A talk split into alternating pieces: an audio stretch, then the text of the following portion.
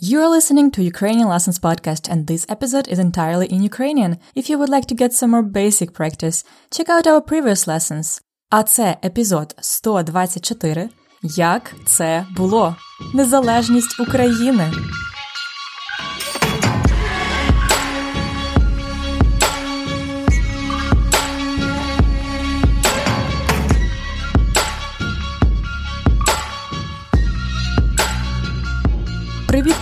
Привіт-привіт! Це Анна, ваша вчителька української, і ви слухаєте подкаст Уроки української. Подкаст для всіх, хто вивчає і любить українську мову. На цьому подкасті у четвертому сезоні я розповідаю вам цікаві історії про себе, про українців, про українську культуру та історію. Сьогодні поговоримо якраз про історію. В Україні наближається велике державне свято. День Незалежності 24 серпня. Тому я вирішила розповісти вам сьогодні, як це було. Тобто, як сталося, що Україна стала незалежною саме у 1991 році, які були для цього причини, передумови, які люди брали в цьому участь. На подкасті ми вже говорили про історію України. Це був другий сезон, епізоди 71-80. Пам'ятаєте? Ці уроки я називаю короткий курс історії України. Якщо ви ще не слухали той курс, дуже вам рекомендую, тому що у цих епізодах ви дізнаєтесь коротко про історію України від давніх часів до сучасності. Епізоди 71 80 ви можете знайти за посиланням ukrainianlessons.com history. А сьогодні ми поговоримо детально про здобуття незалежності у 91-му році. Готові починати? Як це було? Незалежність України?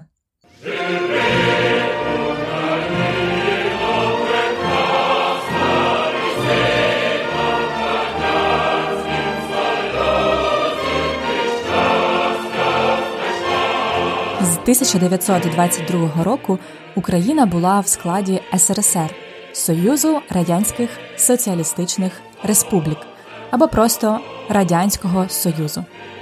Мабуть, не можна точно сказати, коли Радянський Союз почав розвалюватись, тобто коли саме почалися процеси, які руйнували Радянський Союз зсередини. Але самі ці процеси відомі. Історики говорять про чіткі причини розпаду Радянського Союзу. Перша причина економічна. Вже у 70-х роках різко впали показники зростання промисловості і сільського господарства. Цей період, коли головою партії був Леонід Брежнєв, ще називають період застою. Застій Тобто, коли все стоїть, так? І коли нічого не рухається, не розвивається, застій, період застою. Друга причина розпаду СРСР політична. Коли до влади прийшов Горбачов, це був 1985 рік, він почав проводити трохи іншу політику, ніж раніше. Його реформи підтримували далеко не всі комуністи, тобто всередині партії відчувався розкол, відсутність єдності, особливо на рівні стосунків республік і центру Москви. Третя причина це страшна подія, яка сталася в Українській Республіці у 86-му році. Ви точно чули про цю подію і, можливо, вже бачили популярний американський серіал про це. А якщо ще не бачили, то ви мусите обов'язково його подивитись, добре? Це Чорнобиль, катастрофа на атомній станції у місті Прип'ять в Україні. Чорнобиль став повним шоком для всього світу, а особливо для радянської влади. Система, яка мала працювати, не просто не спрацювала, вона вибухнула. І те, як влада поводилась під час цієї трагедії, те, як вони довгий час тримали в секреті від людей, що стався вибух, що люди в небезпеці, це спричинило недовіру людей до влади. Недовіра це коли ви не довіряєте, не вірите комусь. Те саме, до речі, з іншими діями Радянського Союзу, наприклад, е, війна в Афганістані. Люди не розуміли, чому і за кого вони мають там воювати. Люди почали не довіряти Радянському Союзу. Вони були розчаровані, і це важлива причина розпаду СРСР. А люди, які були найсміливішими, почали об'єднуватись і виступати проти режиму. В Україні виникали організації, зокрема екологічні групи через жахливу ситуацію в Україні після Чорнобиля. У 1988 році виникла Українська гельсінська спілка. Це перша політична організація в Україні тих часів. До гельсінської спілки належали переважно колишні політв'язні, тобто політичні в'язні, люди, які були арештовані, вони були на засланні через свої політичні переконання, політичні ідеї. Це були дисиденти, такі як Левко Лук'яненко, Петро Григоренко, В'ячеслав Чорновіл, Надія Світлична та інші. У 1989 році виникло Товариство української мови, і воно почало працювати над тим, щоб не дати українській мові остаточно зникнути в Україні. Взагалі, 1989 рік був насичений змінами по всій Європі, по всьому світу.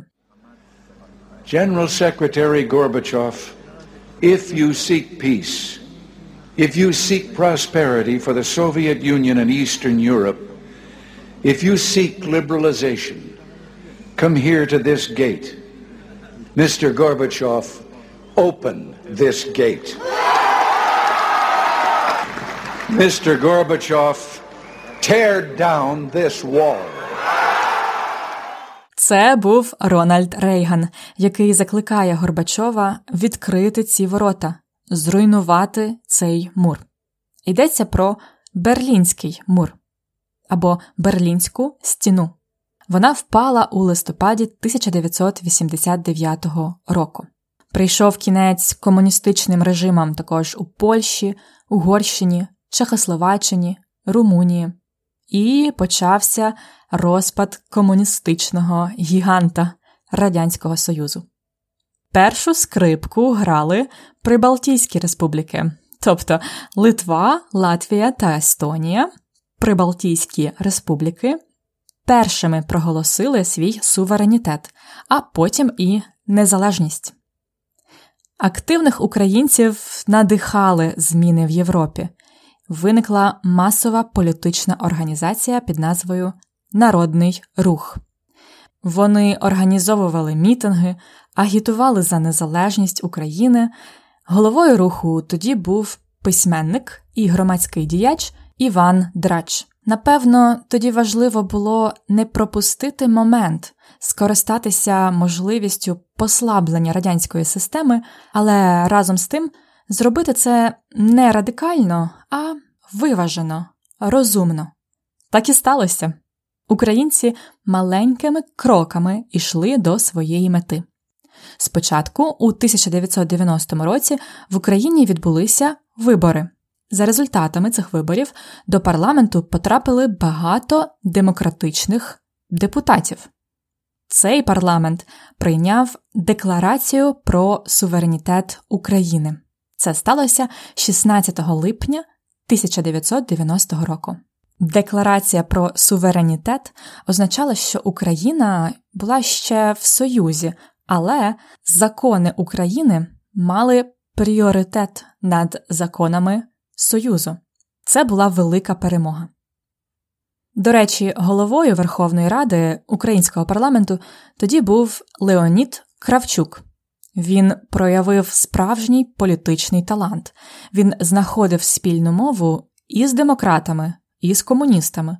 Він виступав за суверенітет України, але не проявляв агресії, радикалізму. Однак не все було так безхмарно. У жовтні 90-го року студенти вийшли на Майдан Незалежності в Києві. Тоді він ще називався Площа жовтневої революції. студенти оголосили страйк, голодування. Вони відмовилися їсти і вимагали відставки прем'єр-міністра. Вони вимагали надати Україні більшої автономії. Всього було 50 студентів, які голодували, але також близько 50 тисяч киян приходили на майдан, щоб їх підтримати. Цю подію називають Революція на граніті. Можна сказати, це був перший майдан, перша революція на Майдані Незалежності.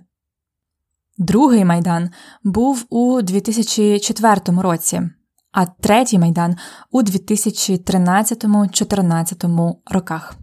Але про це поговоримо іншим разом. На щастя, протест студентів був успішним. Прем'єр-міністра звільнили, і це була ще одна велика перемога. А отже, Україна відходила ще далі від Радянського Союзу. Михайло Горбачов робив спроби зупинити процес розпаду Союзу. Він обіцяв, що надасть Україні більшу автономію, якщо Україна буде далі в союзі з Росією. До речі, його підтримував і тодішній американський президент Джордж Буш, той що перший.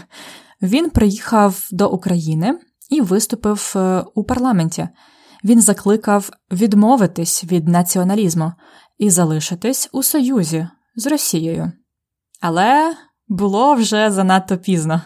Українці відчули смак свободи, який так давно не відчували. Хоча зі зрозумілих причин владі важко було наважитися на останній крок. І тут нам можна сказати трішки пощастило.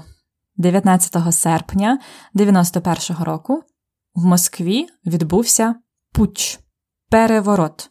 Консервативні комуністи виступили проти Горбачова і ввели в Москву танки. Це був повний крах, повний колапс системи. Проти Путчу в Москві виступив російський президент Борис Єльцин. Він вивів на вулиці людей з російськими прапорами і, можна сказати, почав інший переворот проти Горбачова, але про російський переворот. У результаті комуністи дуже швидко зазнали поразки, а в Москві влада перейшла з рук Горбачова до рук Єльцина. А в Києві тільки того й чекали.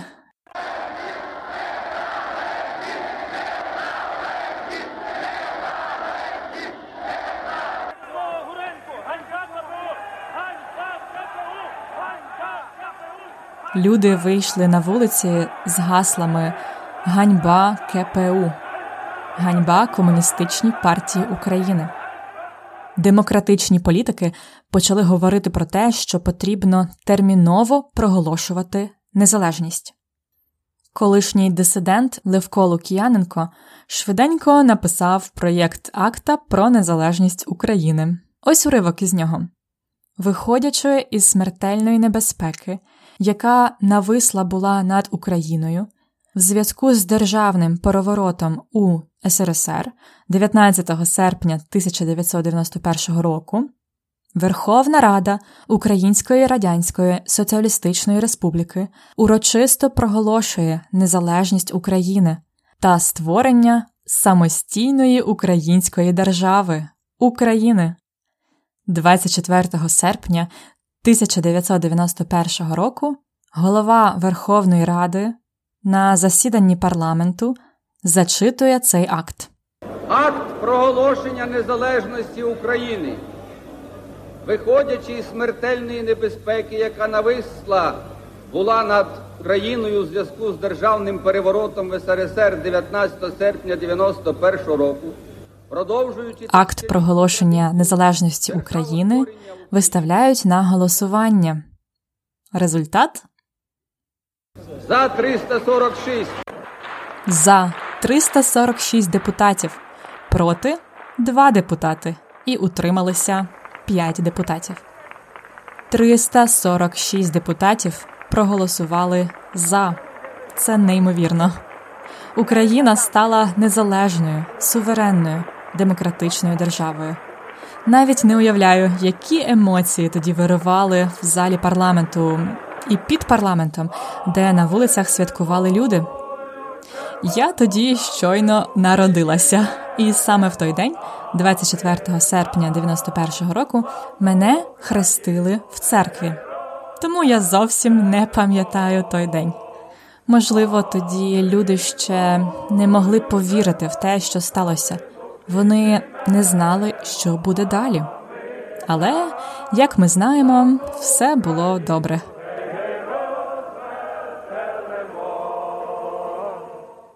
Залишався лише один важливий крок визнати Україну як незалежну державу у світі.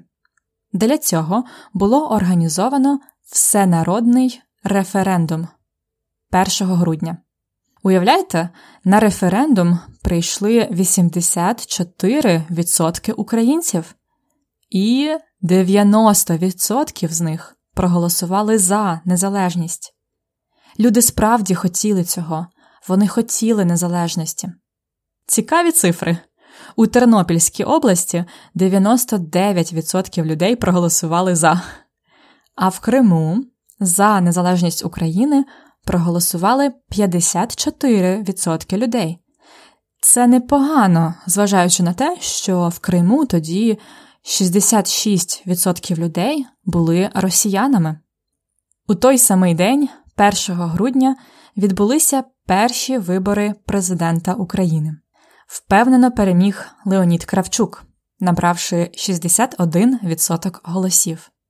Наступного дня після референдуму Україну визнали Польща, Угорщина і Канада, ну і далі всі демократичні країни. І ще одна важлива подія 8 грудня у Біловезькій пущі в Білорусі зустрілися лідери Росії, України та Білорусі. Це Єльцин, Кравчук і Шушкевич. Єльцин російський президент запропонував утворити новий союз з більшою автономією для республік. Але Леонід Кравчук сказав ні.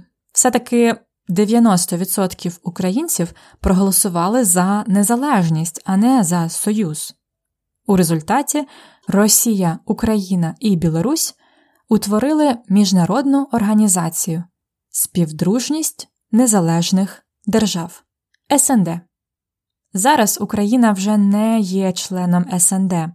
Ми вийшли з СНД після початку російської агресії в Криму. Отже, ось так це було. Так Україна стала суверенною і незалежною державою. І, хоча самостійними бути зовсім непросто, сподіваюсь, цього разу це надовго.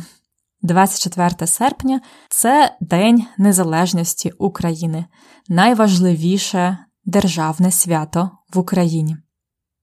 І на сам кінець я хочу поділитися з вами ресурсами, які я використовувала під час підготовки цього епізоду.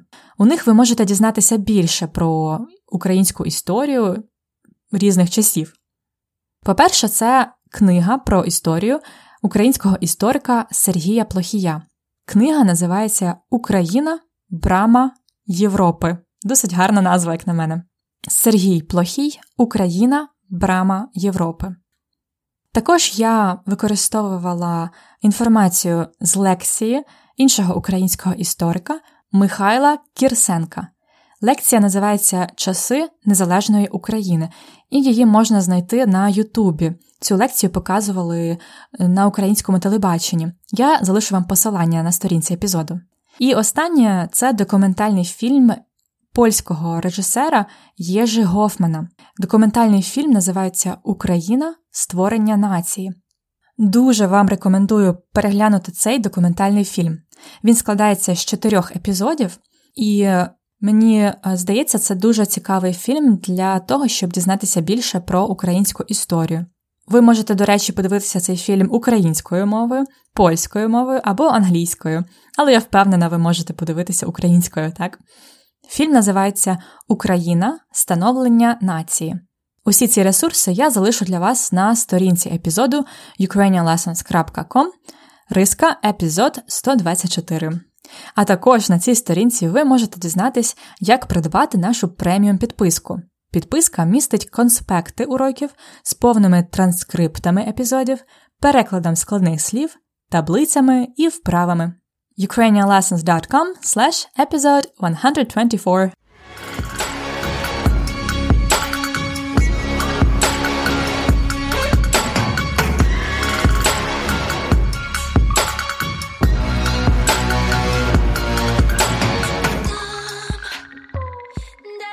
зараз розгляньмо корисні ідіоми та вирази, які я вживала під час розповіді.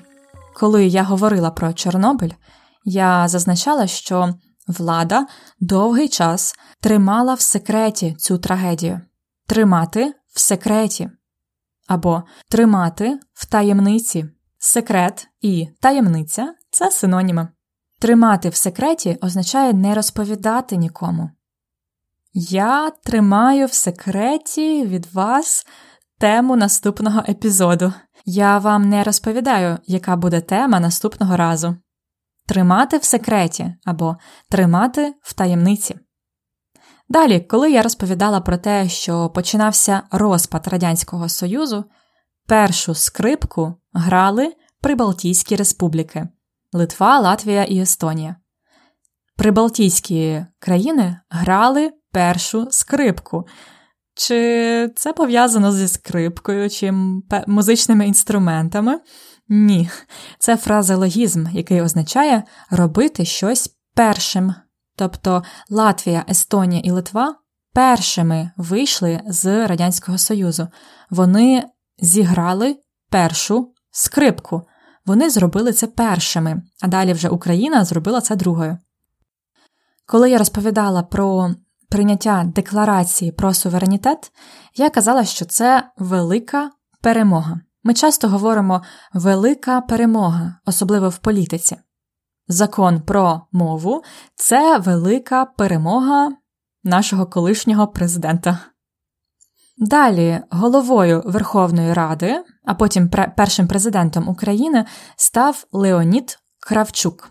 Ця людина проявила справжній політичний талант.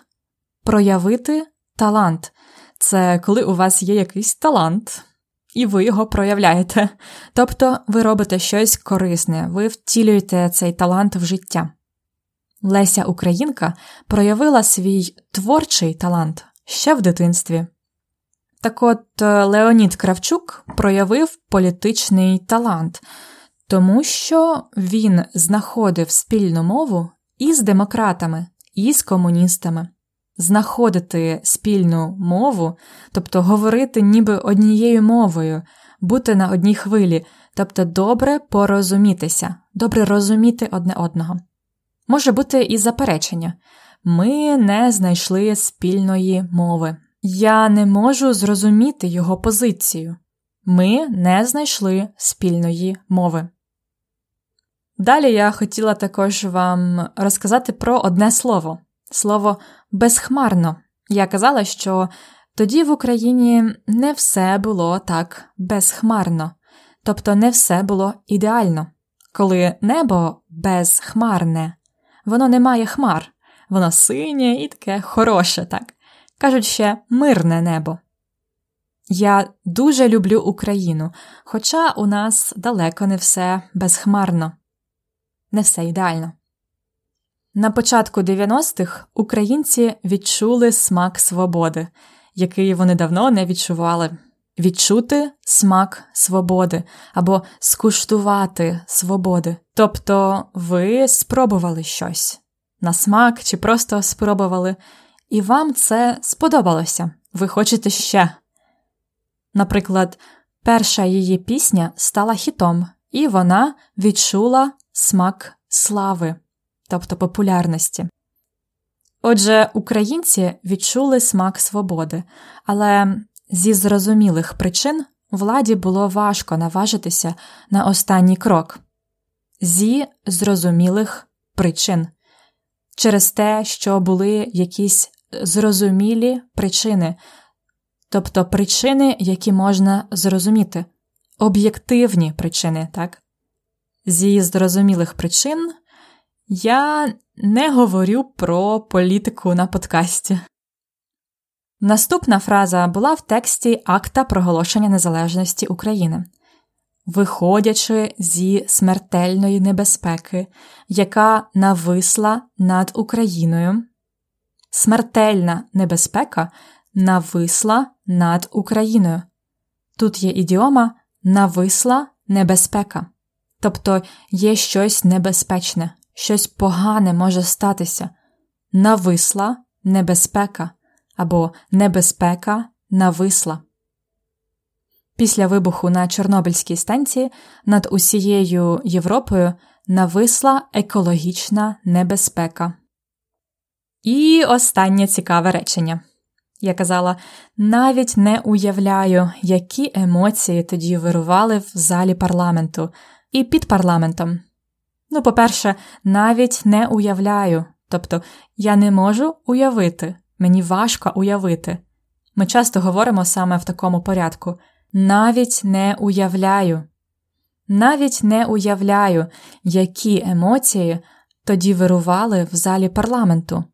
Емоції вирували. Тобто це коли є багато сильних емоцій. Це може бути щастя, радість, гнів чи пристрасть. Ми кажемо емоції вирують або вирують емоції. Якщо взяти, наприклад, тему футболу, після перемоги української збірної на Олімпійському стадіоні вирували емоції. Навіть не уявляю, як це було бути там. А у вас вирують емоції, коли ви слухаєте цей подкаст?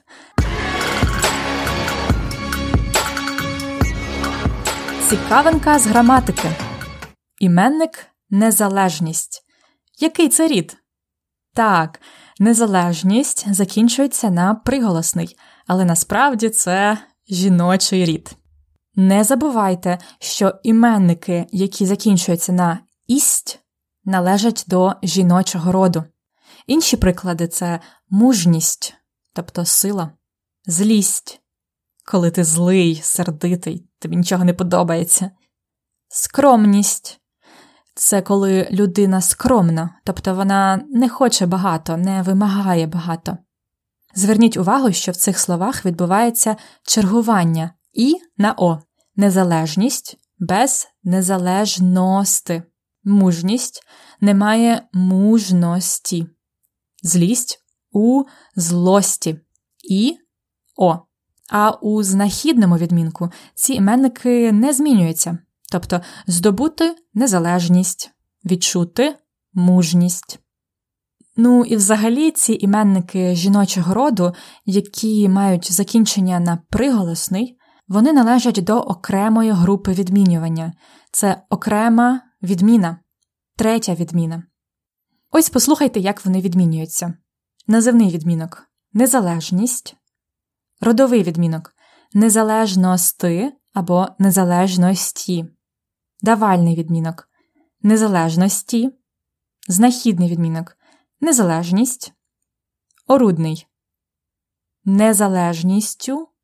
І місцевий на незалежності. Ви помітили, що у родовому відмінку може бути незалежності і незалежності.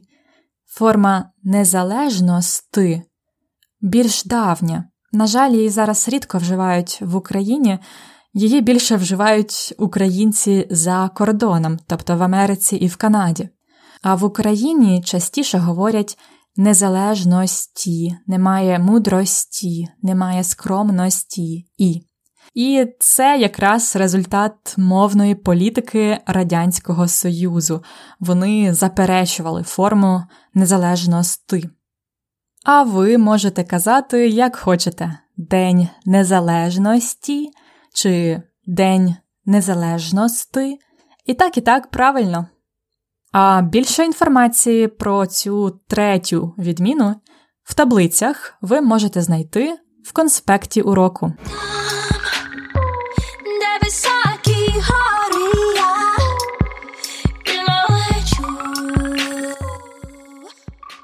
А на сьогодні все. Якщо ви хочете дізнатися більше про історію України, зайдіть на сторінку цього епізоду. Там я залишу для вас назву книги та фільмів, які я згадувала. ukrainianlessons.com Риска, епізод 124. А також підписуйтесь на преміум, щоб отримати більше від подкасту і підтримати наш проєкт. Усі деталі про преміум є на ukrainianlessons.com Риска преміум. А я бажаю вам гарного дня чи вечора з Днем Незалежності України. На все добре!